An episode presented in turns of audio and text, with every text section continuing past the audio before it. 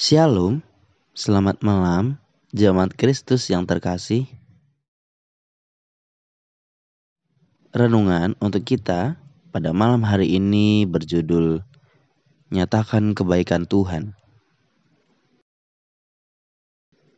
Dan bacaan kita pada malam hari ini terambil dari kitab Yesaya pasal 63 ayat 7 sampai ayatnya yang ke-9. Beginilah firman Tuhan. Aku hendak menyebut-nyebut perbuatan kasih setia Tuhan, perbuatan Tuhan yang masyur, sesuai dengan segala yang dilakukan Tuhan kepada kita. Dan kebajikan yang besar kepada kaum Israel yang dilakukannya kepada mereka. Sesuai dengan kasih sayangnya dan sesuai dengan kasih setianya yang besar.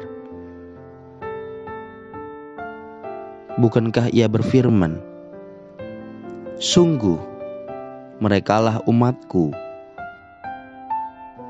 anak-anak yang tidak akan berlaku curang. Maka ia menjadi juru selamat mereka dalam segala kesesakan mereka, bukan seorang duta atau utusan, melainkan Ia sendirilah yang menyelamatkan mereka. Dialah yang menebus mereka dalam kasihnya dan belas kasihnya. Ia mengangkat dan menggendong mereka selama zaman dahulu kala. Yang mampu mengontrol setiap perkataan yang keluar dari mulut kita, pastinya adalah diri kita sendiri. Walaupun ada faktor eksternal yang bisa mempengaruhi, namun pada akhirnya kitalah sendiri yang memutuskan perkataan apa yang akan muncul dari mulut kita. Pun juga ada banyak pilihan perkataan yang bisa kita keluarkan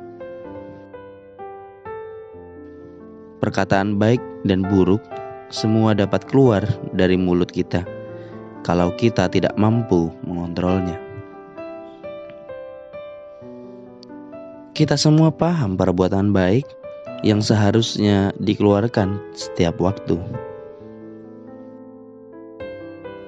Kita pun juga sangat mengerti bahwa perkataan yang baiklah yang membawa dampak yang baik untuk orang lain maupun juga untuk diri kita sendiri.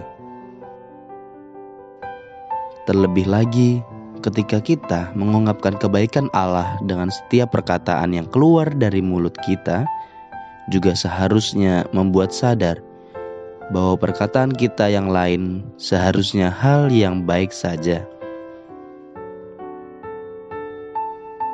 Masakan kita menggunakan mulut yang sama untuk menyatakan kebaikan Allah.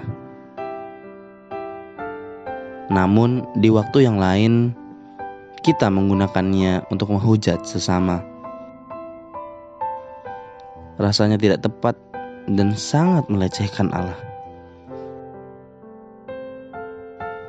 Kalau kita menimbang, mana yang lebih banyak? Kebaikan Tuhan atau pergumulan yang senantiasa hadir di dalam kehidupan kita? Bila kita mau jujur, tentu kebaikan Tuhanlah yang lebih banyak yang kita rasakan. Hanya saja banyak yang tidak kita sadari karena seringnya kita hanya fokus pada hal yang besar dan membutuhkan tenaga yang banyak untuk menghadapinya.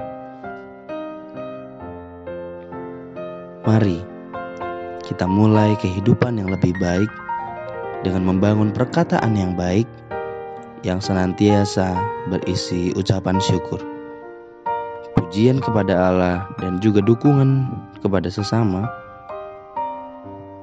dengan mewujudkan kasih Allah melalui setiap perkataan kita.